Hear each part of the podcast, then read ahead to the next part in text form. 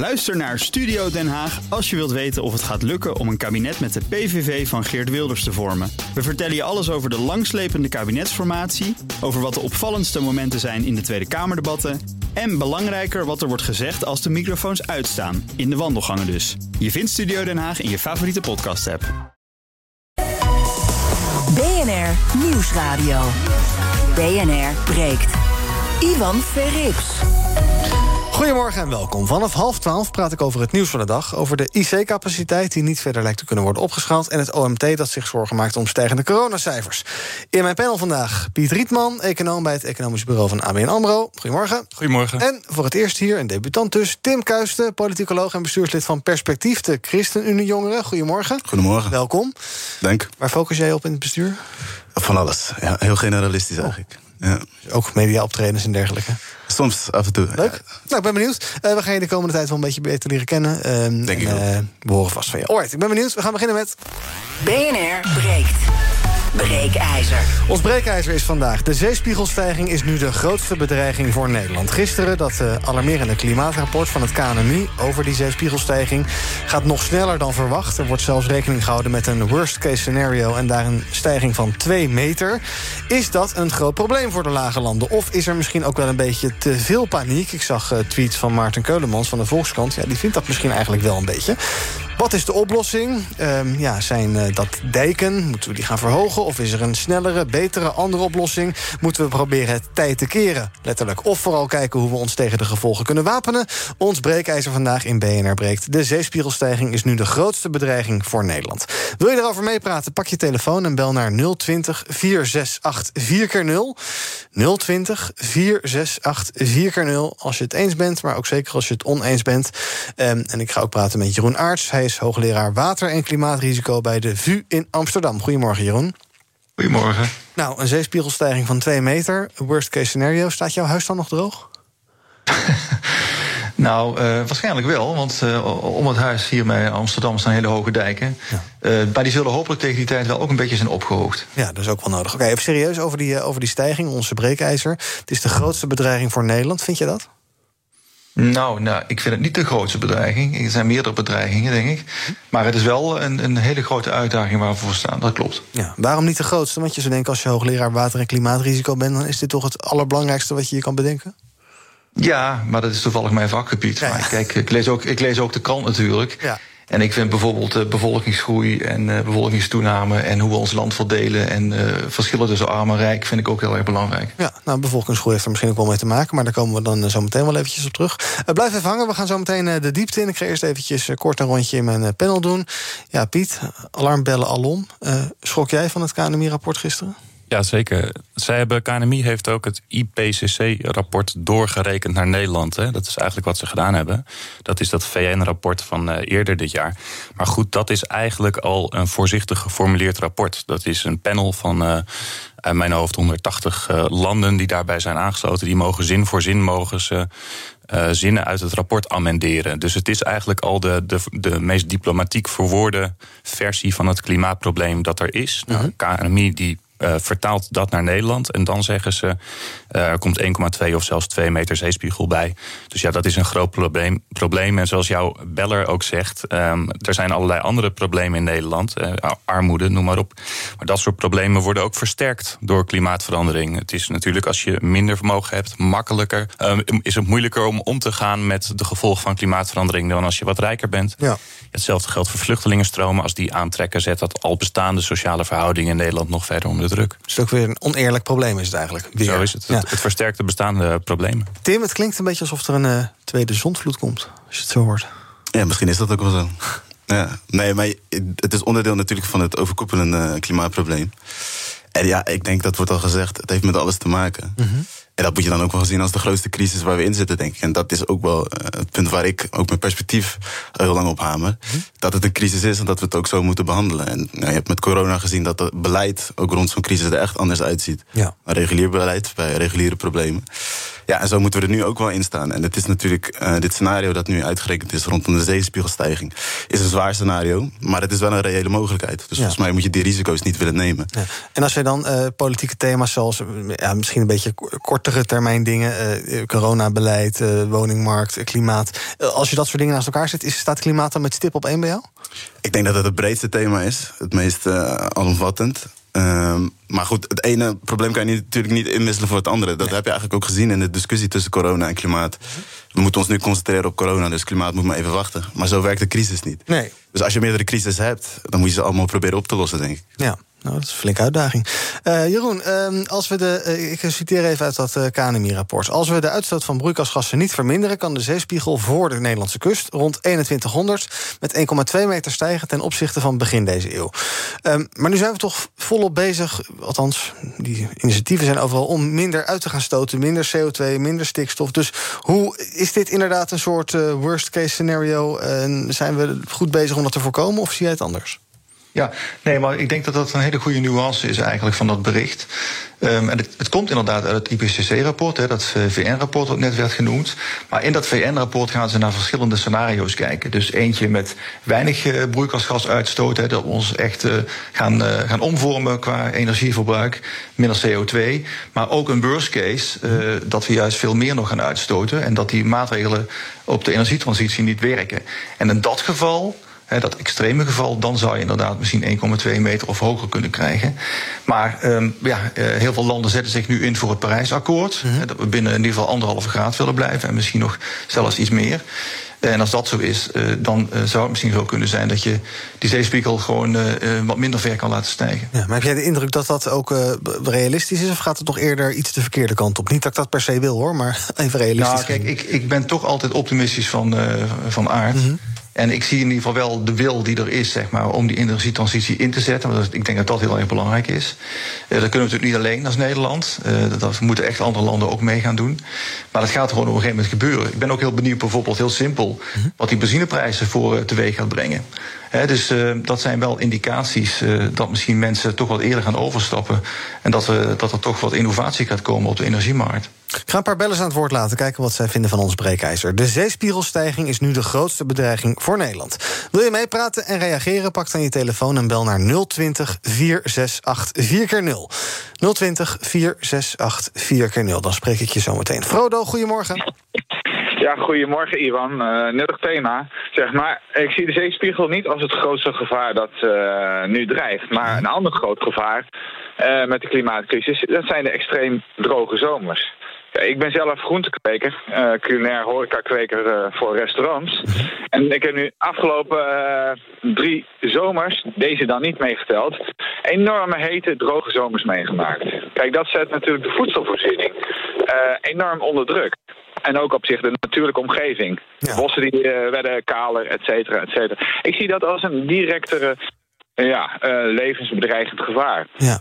Naast het andere wat over 100 jaar gaat gebeuren, mogelijk. Ja, en naast droogte, want we gaan het zo meteen nog wel even over dat soort aspecten hebben, ook weer en dergelijke. Maar naast droogte wordt ook weer extreme uh, uh, natheid uh, voorspeld. Ja. is, dat, is dat net zo'n groot probleem voor jou? Ja, eveneens inderdaad. Uh, van die stortbuien, dan, uh, ja, als je daar iets uh, bloemetjes hebt gezaaid of sla, slaapplantjes, ja, die gaan naar de vernieling. Ja naar zo'n regenbui. De hele structuur naar de kloten, zullen we maar zeggen. Ja. En plantjes en ziektes en zo. Dus ja, nee, dat, dat, dat werkt niet mee. Nee, dus beide bedreigen jouw, eh, jouw, jouw bestaan eigenlijk als ondernemer in ieder geval. Meneer Huigens, goedemorgen. Ja, goedemorgen. Uh, of uh, dit een groot probleem is, in elk geval een van de grootste problemen. Mm -hmm. Maar uh, wij als Nederland staan bekend in de hele wereld als dat we goed in de waterbouw en weet ik wat zijn. Dus wordt het geen hoog tijd dat een, uh, bijvoorbeeld de musea of zo, of, of dat we veel meer weten wat, wat bijvoorbeeld doet op dit gebied. Hè? Ja.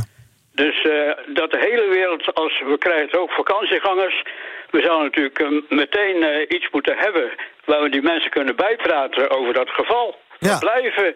We hebben in de oorlog gehoord, werd gezegd, gaat u rustig slapen, komt allemaal goed. Mm -hmm. En het is eigenlijk met de watersnood ook zo gegaan. De, de, de, de dijken zien er goed uit, dus dat gaat al jaren zo goed. Blijf ze lekker rustig slapen. Wordt er geen tijd dat Nederland uh, de zaak beetpakt... En voor de hele wereld moeten we aankunnen, zo staan we ook bekend, wat Mhm. waterbouw enzovoort betreft, om de handen, handen uit de mouwen te steken en daar een, eh, daar een mooi project van te maken. Niet te wachten. Nee. Dat, eh, dat wordt tijd. Het kost geld, dus laten we daar nou eens aan werken. Ik ga het zo ook aan Jeroen vragen, want die is adviseur bij Deltares... dus naast zijn hoogleraarschap, dus die zal er vast ook iets van vinden. Eh, Tim, goed idee dat we van de nood een deugd gaan maken... en dat we eh, lekker Hollands, een beetje koopmansgeest proberen... om hier, eh, nou, ik zal niet zeggen slaatje uit te slaan... maar hier ons voordeel mee te doen uiteindelijk? Ja, het is misschien niet alleen de koopman, maar ook de dominee op zich is het eh, pleidooi me uit het hart gegrepen. Wij kunnen ook een voortrekkersrol spelen natuurlijk op ons nemen in de wereld. En wij hebben als perspectief met een heel aantal andere jonge organisaties Urgenda... een tijdje terug het plan voor de Nederlandse Klimaatmissie gelanceerd. Dat is hier ook besproken eerder. Ja. We eigenlijk oproepen tot een eh, crisisaanpak voor het klimaat. Ik noem net al waarom ik het zie als een eh, acute crisis. Ja, en daarmee heb je ook heel veel winst te behalen. Want als je het eerste land bent dat echt een duurzame economie hebt, dan is dat ook een enorm exportproduct. Ja. Natuurlijk ook qua kennis richting de rest van de wereld. Dus ook als je wat meer eh, in het liberale deel van het spectrum zit, moet je daar kansen kunnen zien, denk ik. Ja, en wat je argumentatie dan is, maakt niet zoveel uit... als je maar meedoet eigenlijk. Nou ja, ik denk dat er heel veel groepen zijn die mee kunnen doen. Ja. En dat eigenlijk alleen klimaatontkenners, Mhm. of ontkenners van de klimaatverandering, dat die er echt geen brood in zullen zien. Nee, want die zullen ook niet geloven dat je er uiteindelijk geld mee gaat verdienen. Nee. Eh, Jeroen, ik zei het al, je bent ook adviseur bij Deltares. Ja, is dit eh, wat eh, meneer Huygens zei een, eh, verstandig inderdaad? Dat we ook onze kennis, net als vroeger, misschien gaan exporteren... en dat we hier eh, voorloper op worden? Ja, nee, ik denk dat het een heel goede opmerking is. En eh, ik heb eh, goed nieuws in die zin dat er, we hebben in Nederland een Delta-programma. En dat Delta-programma dat is inderdaad niet bezig om nou hele grote nieuwe stormvloedkeringen te maken. Maar dat Delta-programma is wel degelijk bezig, ook met, eh, met geld, eh, om te kijken van hoe we ons moeten aanpassen. Dat gebeurt ook. Hè. We zijn elk jaar zijn we aan het kijken van eh, waar moeten we nieuwe, de dijken ophogen, waar moeten versterkingen worden geplaatst. En dat Delta-programma dat stelt elke vijf jaar stelt haar rapport bij, zeg maar, om te kijken van met de nieuwste inzichten van waar gaat het naartoe met de zeespiegelstijgingen, wat andere ontwikkelingen, waar investeringen nodig zijn. Um, en het is, het is inderdaad echt zo, en ik heb dat zelf aan de lijve ondervonden hoe uh, fijn het is dat je uit Nederland komt uh, en dat je in het buitenland uh, kan werken met je Nederlandse achtergrond. Want je ja. wordt echt overal met open handen, open armen ontvangen met de kennis die we hebben.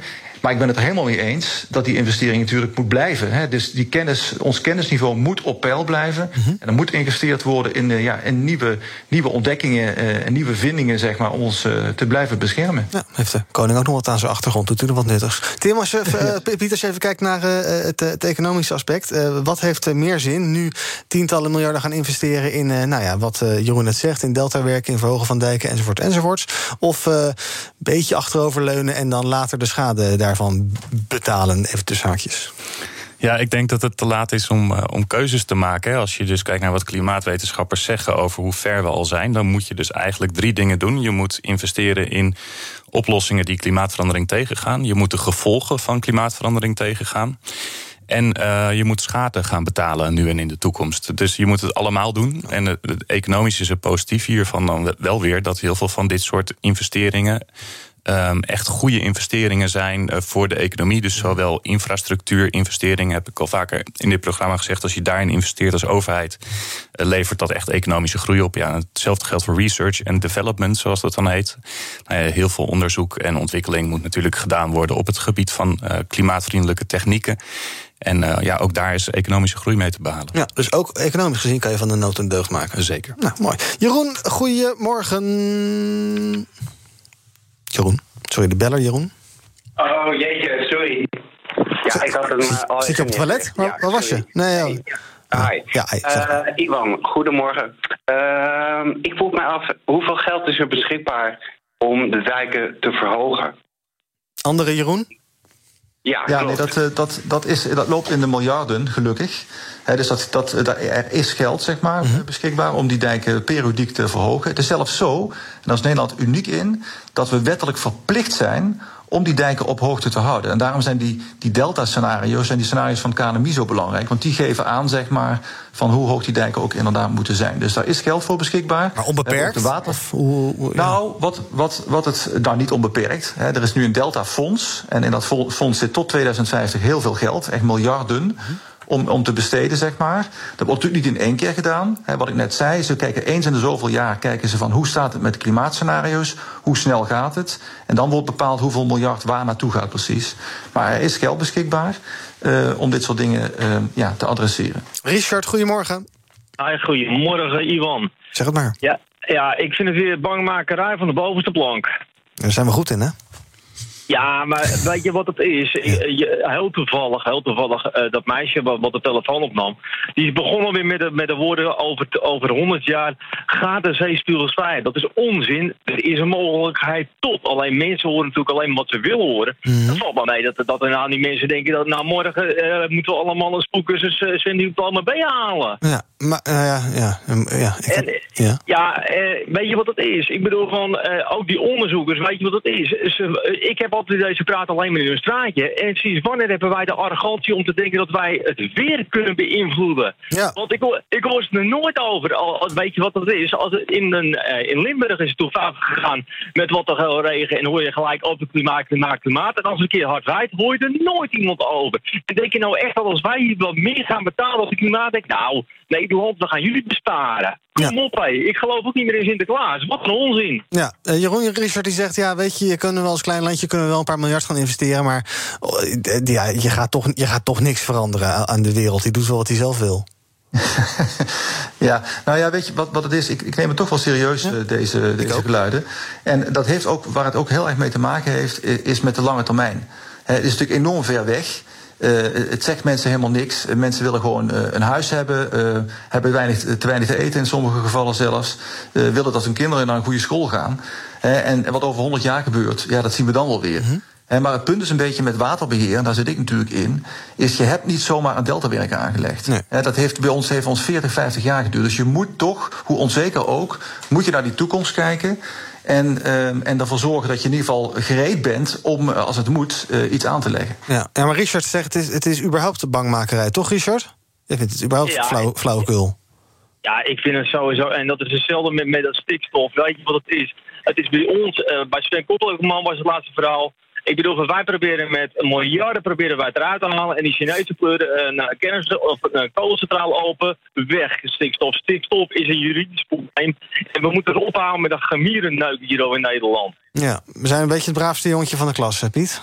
Ja, maar gemierenneuk, weet je. Kijk, klimaatverandering zitten heel veel aspecten aan... die ook echt onze samenleving en economie eh, bedreigen. Er zegt net op Twitter iemand tegen mij... en dat is natuurlijk helemaal terecht... als de gletsjer waar de Rijn uit voortkomt...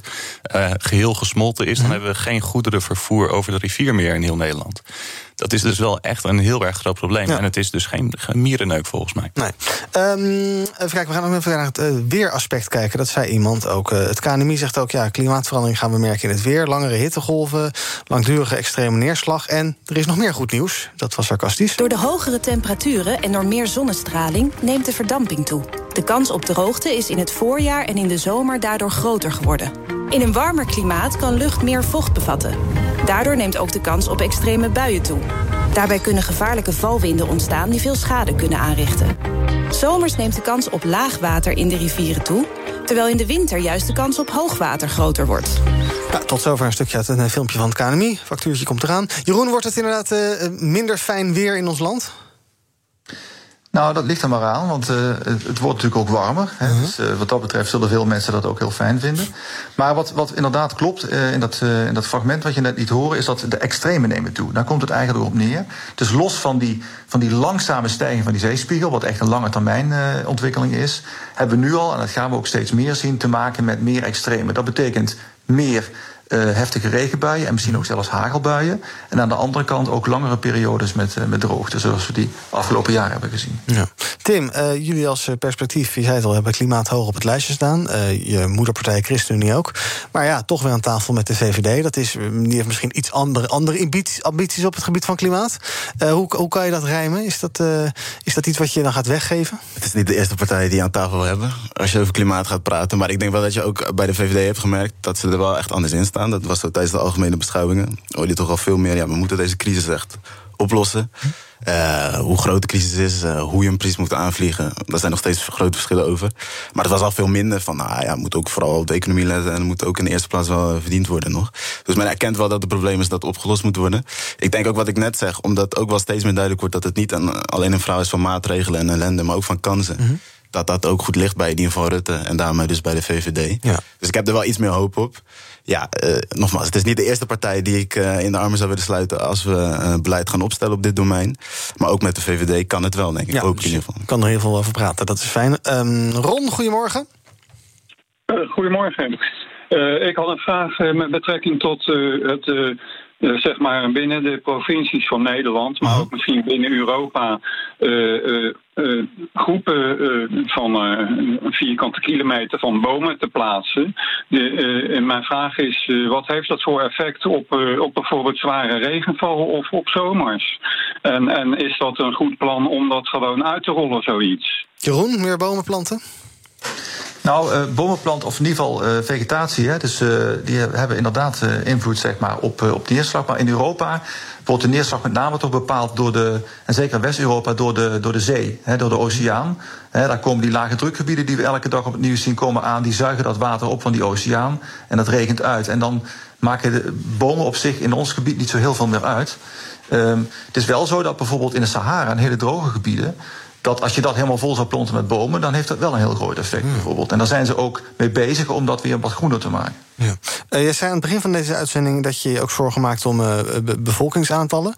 Uh, is dat misschien ook iets waar we iets aan zouden moeten doen, op welke manier dan ook, maar dat we ja, niet met nog veel meer miljarden mensen op deze aardbodem gaan leven? Nou, ik denk het wel. ik, ik ben zelf betrokken bij een heel groot project. Het gaat over migratie. En als ik zie zeg maar, de bevolkingsontwikkeling in Afrika bijvoorbeeld, die, uh, die echt uh, ja, vele malen groter is, die ontwikkeling dan bij ons. Migratiestromen. Mhm. Maar ook gewoon even inzoomen op ons eigen land. He, er bestaat in Nederland gewoon geen visie op van hoeveel mensen gaan hier nou uiteindelijk wonen. He, is, politiek is dat een heel heikel onderwerp. Maar wel van belang. He, gaan we hier nou met, met 18 miljoen of 21 miljoen mensen wonen? Want het maakt nogal wat uit. waar gaan die 3 miljoen mensen dan extra wonen bijvoorbeeld? En wat ik dus echt mis is we willen allerlei dingen. We willen een energietransitie met waterstof. We willen dat de landbouw, zeg maar, dat die goed kan uh, en, en beter voor het milieu kan, uh, kan functioneren. We willen dat aan, uh, aan de zeespiegelstijging doen. Maar heel veel van die maatregelen kosten ruimte. En die ruimte, die hebben we heel vaak niet. Ja. Mensen zeggen wel, het is open. Maar als je in het open gebied staat en op een landbouwveld staat... Ja, dan zit je naast een natuurgebied en dan wordt er ook op elke vierkante meter gevochten. Wat ik mis, is een centrale visie van de nationale overheid op... Hoe ziet ons land er over 40 jaar uit? Ja, waar is landbouw? Hoeveel landbouw? Hoeveel mensen? Waar liggen de steden? En met deze oproep ga ik dit half uur eindigen. Dankjewel Jeroen Aarts, hoogleraar uh, water- en klimaatrisico aan de VU Amsterdam. Uh, ja, zorgelijk dus wel, maar we moeten er ook niet hysterisch over gaan doen. En wat ik ook eigenlijk bij beide ook panelleden hoor... is dat we van de nood misschien een deugd kunnen maken. En dan kunnen we toch weer uh, lekker Hollands positief eindigen. Dankjewel, Jeroen. Zometeen ga ik met mijn panelleden verder praten over het nieuws van de dag. Over het ABP, grootste pensioenfonds van het land. Dat stopt met investeren in fossiele energie. En waar ze nu nog zo'n 15 miljard in hebben zitten. En staatssecretaris Ankie Broeker-Snol van Asiel... die wilde 1200 extra opvangplekken voor asielzoekers. De score tot nu toe 600. Dat is dus uh, net voldoende of net onvoldoende. Nou, hoor je allemaal zo meteen na nieuwsweerverkeer. En eerst even de boodschappen. Ook Diana Matroos vind je in de BNR-app. Ja, inderdaad. Je kunt live naar mij luisteren tijdens de Big Five. Ook handig in de BNR-app. Breaking nieuwsmeldingen, maar ook het allerlaatste zakelijke nieuws. En je vindt in de app alle BNR-podcasts, waaronder Wetenschap Vandaag. Download nu de gratis BNR-app en blijf scherp. BNR Nieuwsradio. BNR breekt. Ivan Verrips. Welkom terug in mijn panel vandaag. Tim Kuijs, de bestuurslid van Perspectief, de ChristenUnie Jongeren... en Piet Rietman, hij is econoom bij ABN AMRO. We gaan het hebben over het uh, nieuws van de dag. Ja, we moeten het uh, toch eventjes over corona hebben. Uh, gisteren hadden we het de hele eerste half uur erover. We zullen het nu proberen een beetje kort te houden. De cijfers staan op rood en dus werd gisteren al bekend... dat de persconferentie naar voren wordt gehaald. Vast naar aanleiding van die pittige uitzending van ons van gisteren. Luister even mee naar OMT-lid Mark Bonte bij Nieuwsuur. Ja, ik deel die zorgen om, om drie redenen. De getallen lopen inderdaad op en nu ook in het ziekenhuis. Uh, dat baart zorgen. De vaccinatiegraad neemt eigenlijk niet meer toe. Dat baart zorgen. En eh, we krijgen ook duidelijk signalen uit de ziekenhuizen dat de rek er toch echt wel uit is. En als de stijging in de ziekenhuizen, vooral op intensive care afdelingen, eh, zich verder voortzet zoals die nu ingezet is, dat we toch vrij snel in een situatie komen dat er weer zorg afgeschaald moet worden.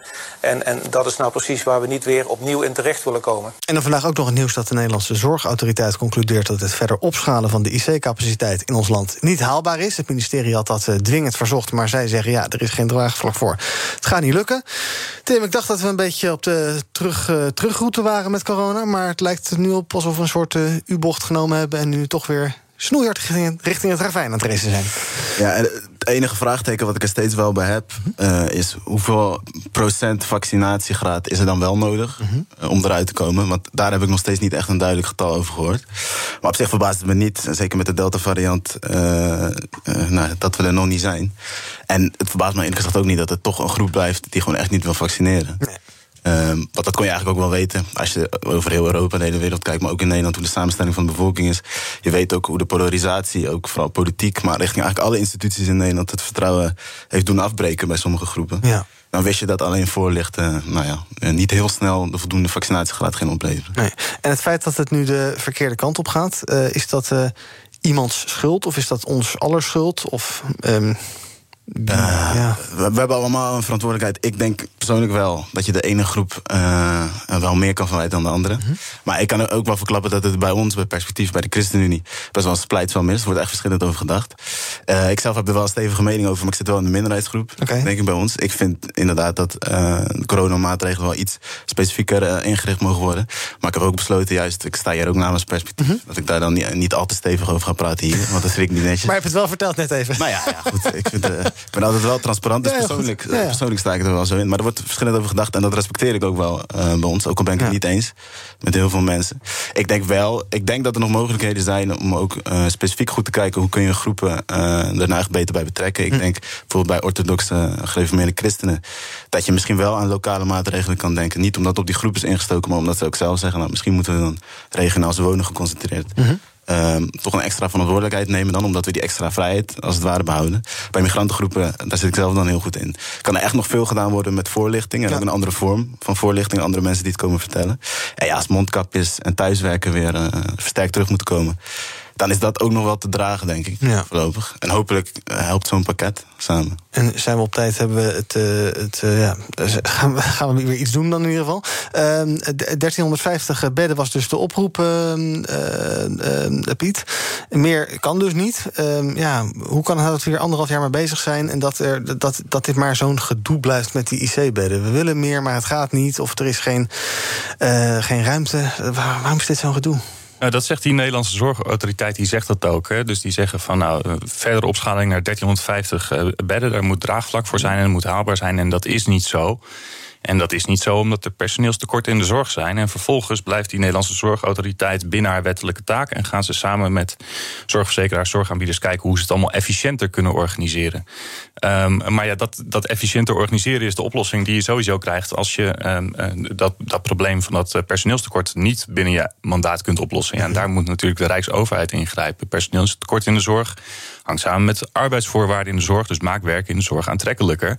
Dan kun je makkelijker opschalen, ook met IC-capaciteit. Ja, want zo werkt het gewoon één op één. Als je, is het dan simpelweg uh, lonen toch meer verhogen? Nou, als je medewerkers in de zorg vraagt van uh, waar gaat het je eigenlijk om... en wat vind je hier aantrekkelijk aan en ook aan sollicitanten... dan is loon er één, maar arbeids, uh, secundaire arbeidsvoorwaarden... verlofdagen is een tweede. En ook hoeveel, wat is de kwaliteit van je werk? Hoeveel zorg mm -hmm. kun je nou echt besteden aan mensen? Dat, dat vinden ze ook heel belangrijk. Dus er moet iets gedaan worden aan, aan roosters... en over de, aan de kwaliteit van zorg. Hoeveel tijd per patiënt mag je besteden? Dat zijn allemaal dingen die medewerkers in de zorg zeggen. Ja, en als je het voor medewerkers in de zorg aantrekkelijker maakt... willen meer mensen daar werken... Ja. kun je meer capaciteit opschalen, ook in een volgende pandemie. Ja, dus Tim, als het kabinet het wil, dan kunnen ze het wel regelen. Maar ja, blijkbaar willen ze het niet goed en niet hard genoeg. Maar ja, personeel kost tijd, hè? Dus mm -hmm. dat is het probleem nu. Daarom kan het ook niet acuut opgeschaald worden. Ik, ik hoorde wel in aanvulling erop... Uh, gisteren een hele interessante discussie met onder andere een ziekenhuisbestuurder... die ook zei, kijk, we hebben ervoor gekozen een, beperkte capaciteit te organiseren. Omdat je anders krijgt dat te veel zorgpersoneel... Uh, eigenlijk aan het werk moet voor te weinig patiënten. En dat doet af aan de kwaliteit van de zorg. En daar denk ik wel van, dat is technisch natuurlijk gezien een keuze, een medische keuze. Maar het is ook een politieke keuze. En dan denk ik wel, ik hoop dat we, maar dat geldt op allerlei terreinen eigenlijk, die we ook vandaag bespreken, geleerd hebben dat uh, nou, kwaliteit geld kost. Uh, maar dat je soms ook een reserve moet hebben. Nou, eigenlijk altijd een reserve moet hebben. En volgens mij moet je dus een grotere capaciteit creëren, ook voor de tijden dat het niet zo hard nodig is. En daarbinnen dan maar proberen op te lossen dat ook met meer personeel, de personeel kwalitatief uh, ongeveer van hetzelfde niveau blijft. Hm. En daar moet dan misschien ook binnen de zorg creatiever naar gekeken worden. Dat kan. Ja, Mark Bonte zei ook nog, je zei het net, de uh, vaccinatiegraad stijgt nog nauwelijks. Uh, het idee was geloof ik van uh, minister De Jonge... dat er als een soort ja, bijeffect van het coronatoegangsbewijs... dat er dan een soort flinke stijging zou komen in de vaccinatiegraad... die ergens nu rond de 86 procent of zoiets is. Ehm, ChristenUnie was tegen die coronatoegangsbewijzen. Ehm, zou je dit kunnen zien als het gelijk van ChristenUnie... dat het misschien niet goed genoeg werkt, die CTB? Ik denk, ik denk dat dat eerlijk gezegd gecompliceerd ligt. Want ik vind 86% best hoog. Ja. Uh, als je kijkt naar de vaccinatiegraad op basis van uh, vrijwillige participatie.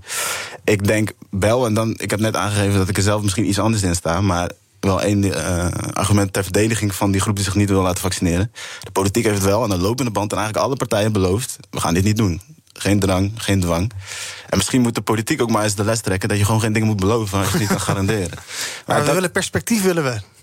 Nou ja, goed. Ja, maar je moet ook geen perspectief uh, scheppen daar waar het alleen maar verwarring gaat creëren in de praktijk op het eind. Ik denk wel dat je nu kunt zeggen, omdat de situatie gewoon weer veranderd is, dat je een andere keuze moet maken. Maar die moet je dan wel heel goed uh, uitleggen en door het stof gaan, denk ik. Ja. Uh, want ze hebben zichzelf een beetje schaakmat gezet. Ja. En accepteren dat je dus heel veel mensen weer tegen je gaat krijgen. En je gaat weer demonstraties ja. krijgen. En het gaat uh, ja, eigenlijk van vooraf aan.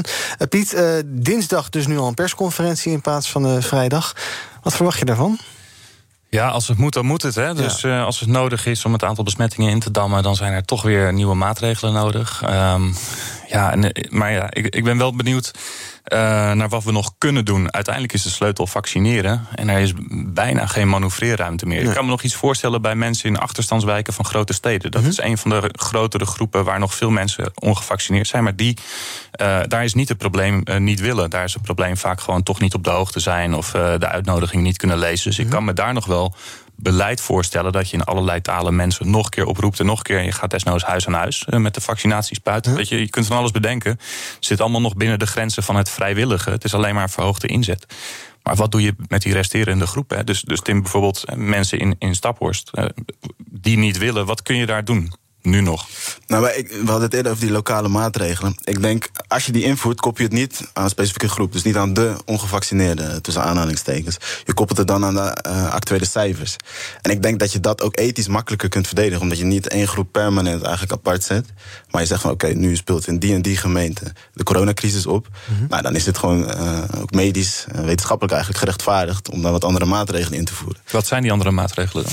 Ja, daar gaat er wel weer discussie over hoe ga je dat dan bij bijvoorbeeld de mondkapjesplicht in de supermarkten. Uh, wat als je van de naburige gemeente komt, ja. hoe ga je dan controleren? Maar goed, dan wordt er ook gezegd. Uh, het gaat uiteindelijk allemaal om, om de bijdrage die iedereen natuurlijk vanuit uh, de eigen principes, de eigen bereidwilligheid levert. Dus ja, je gaat altijd best wel veel mensen hebben die gewoon puur als het oproep komt, toch zich weer anders gaan gedragen. En daarmee kan je winst behalen. Maar ik zeg net ook, ja, ik weet niet precies welke percentage van de vaccinatiegraad wel voldoende is. Mm -hmm. Misschien weet niemand dat wel echt goed op dit moment. Ja. En dat maakt het natuurlijk wel lastig, want, want wanneer is het dan wel voldoende? Ja. Jij zei in eerdere uh, migrantengroepen zijn natuurlijk wat zorgen om. En vooral uh, plekken waar, die veel, waar, waar zij veel samenwonen.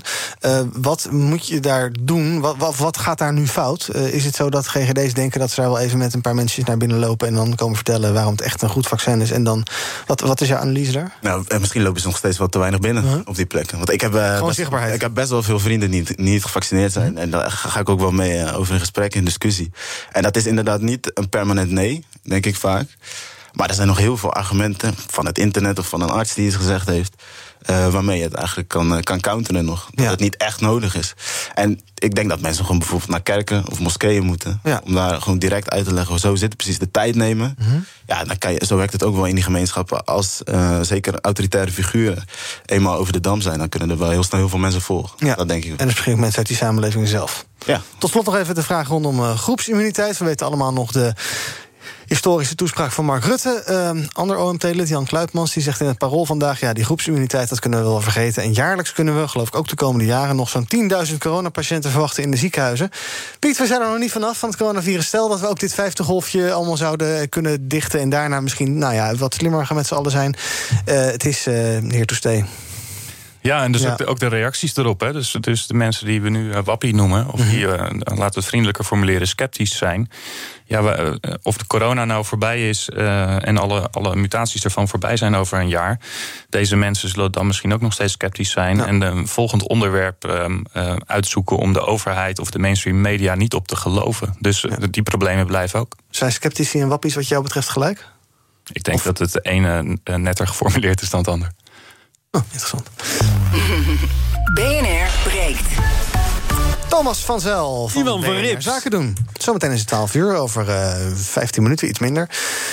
Ga je dan doen in zaken doen? praten met Johan Taams. Hij is de nieuwe topman van Centric, een grote ICT-dienstverlener. Onder andere veel gemeenten maken gebruik van de software die Centric aanlevert. Daar gaat natuurlijk ook nog wel eens wat mis als je kijkt naar de cybersecurity. Maar binnen Centric zelf is er ook het een en ander gebeurd met die, ja, kunnen we toch wel zeggen, ontspoorde topman en eigenaar Gerard Sanderink. En nu is er toch een eh, nieuwe topman bereid gevonden die zegt: we gaan het anders aanpakken. We gaan het verleden achter ons laten en ons richten op de toekomst. Wat die toekomst dan precies inhoudt. En of Sanderink echt op een zijspoor staat, zich gedijst gaat houden. Dat eh, gaan we zo meteen horen. Ik begin de uitzending met een kort gesprek met Corien Wortman van het ABP. Groot nieuws dat zij eh, hun fossiele beleggingen van de hand gaan doen. Waarom plotseling toch die ommekeer? Het eh, beleggerspanel is er en de voorzitter van de Kappersbond. Want zij maken zich zorgen over het feit dat ZZP'ers heel veel meer kunnen verdienen. Omdat ze veel minder te maken hebben met allemaal regels en verplichtingen. Dus dat ondermijnt de branche, zegt de branche zelf. Zouden de filmrechten afgekocht zijn van het hele Sanderink-verhaal? Vind je dat een goede vraag? Ik denk dat daar best wel eh, aardige ja. Netflix-series En wie zou dan de zijn. hoofdrol Sanderink op zich willen nemen? Daar mogen luisteraars zelf over nadenken. Dankjewel, zometeen om 12 uur Thomas met Zaken doen. BNR Nou, dan gaan we het ook maar even over hebben over het ABP. Het was namelijk het nieuws wat jij graag wilde bespreken, Piet. Ehm, grootste pensioenfonds in Nederland. Internationaal ook best wel toonaangevende speler. Zij stoppen nu met investeringen in fossiele energie. Gaat om zo'n 15 miljard euro, 3% van het belegde vermogen. Er waren al natuurlijk oproepen, eh, ABP fossielvrij en dergelijke, die daartoe oproepen. Is dit een mijlpaal?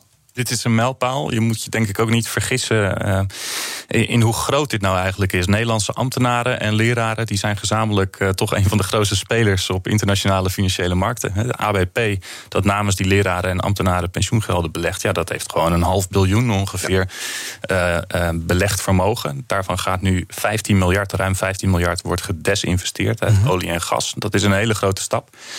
Op de korte termijn zal dat nou niet iets zijn dat eh, iets doet met de bedrijfsvoering van dit soort bedrijven. Hè? Want er, eh, dit betekent dat er veel meer aandelen ineens eh, te koop aangeboden worden. Andere spelers kopen die gewoon weer. En op zich maakt het niet Shell winstgevender of minder winstgevend.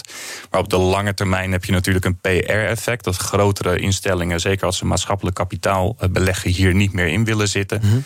En ook dat eh, bedrijven die in olie en gas investeren, dat die minder makkelijk via financiële markten kapitaal kunnen ophalen. Ja. Dus uiteindelijk is dit toch een grote stap eh, in het tegengaan van klimaatverandering. Ja. Doet ABP dit nou omdat ze het klimaat zo belangrijk vinden? Of is het gewoon de ja, druk uit de maatschappij en die vervelende activisten?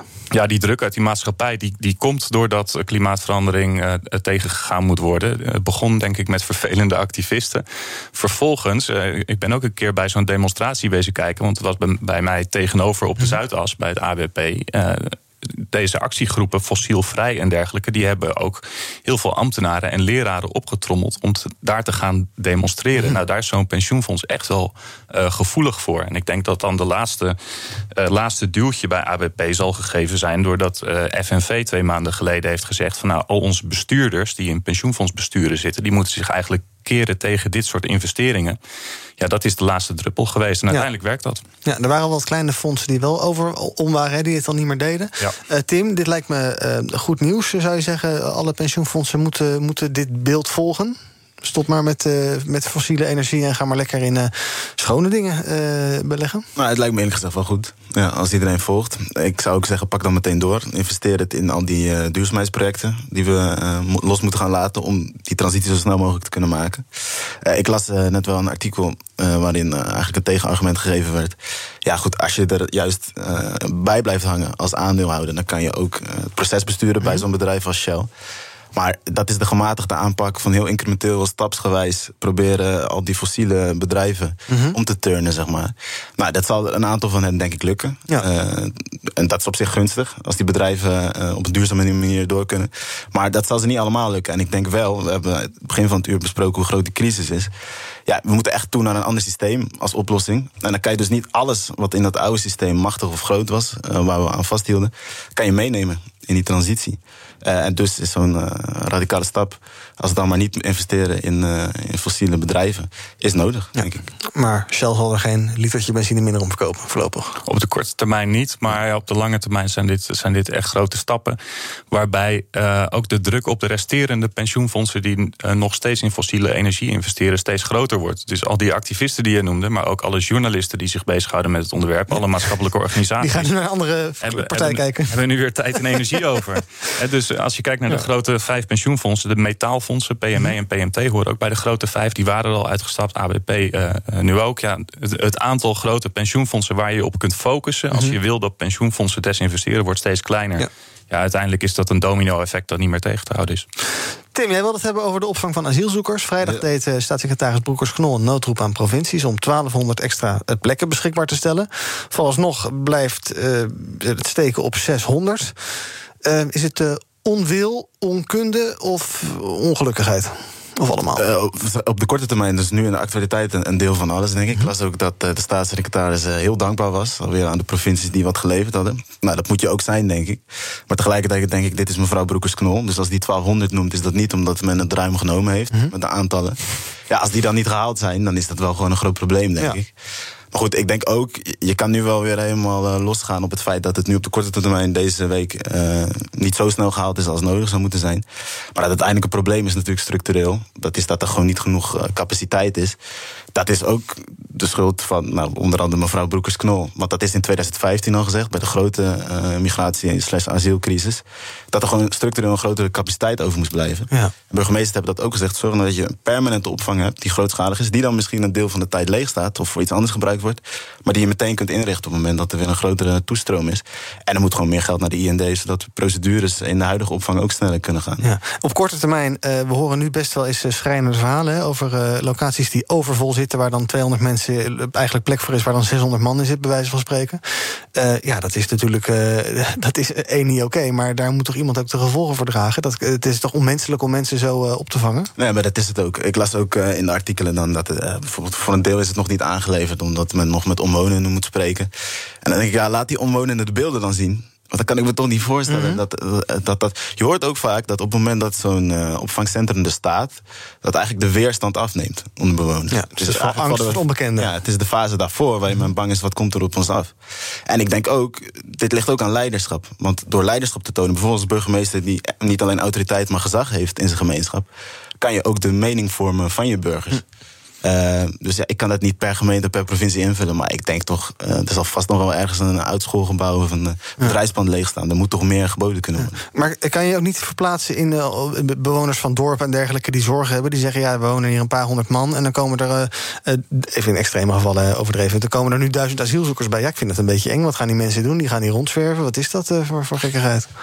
Nou, ik moet eerlijk zijn, wel moeilijk. Maar dat komt uh, omdat ik wel vaak de indruk heb dat gewoon de afstand tussen persoon A en persoon B, mm. dus in dit geval, nou laten we zeggen, burger in een ruraal gebied en iemand die asiel krijgt, heel groot is. En dat men de menselijkheid van elkaar niet zo goed meer ziet. Nee. En dat krijg je juist heel snel als je met elkaar in aanraking komt. En ja, ik denk, ben dan toch wel voor een, een stevige lijn daarin kiezen. Ik denk dat je die ontmoeting gewoon moet organiseren. Ja. Right. We gaan kijken wat de trending is in de socials. Nou, we kunnen niet meer uh, om uh, hashtag corona heen. De hashtag persconferentie is vervroegd. Hashtag uh, nieuwe coronamaatregelen enzovoorts. Het kabinet weet dat ze de komende dinsdag weer heel veel mensen boos gaan maken. Onder andere op die sociale media. Maar ze kunnen niet anders, zeggen ze. En ook, zoals net besproken, hashtag ABP en ABP fossielvrij zijn populair. Het ABP stopt stapsgewijs met beleggen in fossiele industrie. En... Hashtag klimaclowns is trending. Gaat om mensen die de NPO een zekere klimaathysterie verwijten. Dat kan ook. Tot slot nog even van deze uitzending. Uh, de komende jaren groeit de totale markt voor productabonnementen... naar verwachting van 1,4 miljard naar 2,4 miljard euro. Nederlanders zijn geïnteresseerd in abonnementen op dranken en voeding... de HelloFresh-boxes en dergelijke. Daar maken we dus steeds meer gebruik van. zouden we nu iets van Dat is. HelloFresh. Duurzaam, gezond en lokaal. Niet thuis? Dat zeggen ze allemaal. Hallo, hallo, HelloFresh, we hebben eten. Had je nog wat? Nee hè? Weet je wat je moet hebben? HelloFresh. HelloFresh bezorgt vers eten. Nu ook bij jou, elke dag. Jawel, let maar op. HelloFresh biedt gevarieerde recepten voor het hele gezin. Wilt u uw abonnement opzeggen? Nee, nee, nee, nee, nee, nee. Volgens mij...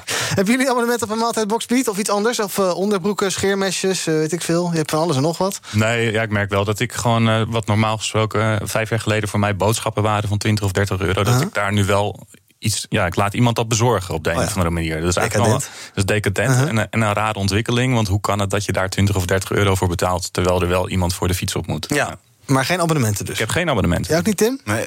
Wat denk je waarom mensen, eh, mensen die het doen, zijn, dat, zijn die lui? Of zijn die gewoon slim en denken ze, ik kan mijn tijd beter besteden... in plaats van dat ik zelf elke maand een nieuwe onderbroek ga halen bij winkel? Nou, mensen houden van gemak, Ja, denk ik. maar is dat erg? Eh, ik zou het wel goed vinden als we iets meer loskomen van producten... en niet weer nieuwe vormen vinden om ons er op een efficiëntere manier aan vast te hechten. Uit onderzoek blijkt dat eh, eh, Nederlanders het liefst bij lokale pro- aanbieders producten kopen die nog niet aangeboden worden. Dus er is nog een hele markt hier open. Zie jij nog, Piet, een, eh, een abonnementendienst? Kan je nog even onze luisteraars helpen aan een tipje die wat ondernemend zijn, een idee zoeken?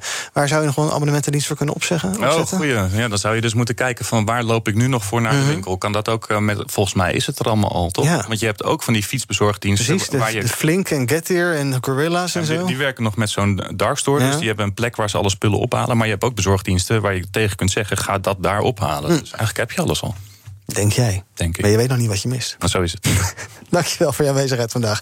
Piet Rietman, econoom bij ABN AMRO. En ook dank voor eh, eh, aanwezigheid voor Tim Kuisten, bestuurslid van Perspectief. Morgen ben ik er weer. Tot die tijd kun je ons volgen op de socials. Zoek even naar BNR, dan vind je ons vanzelf.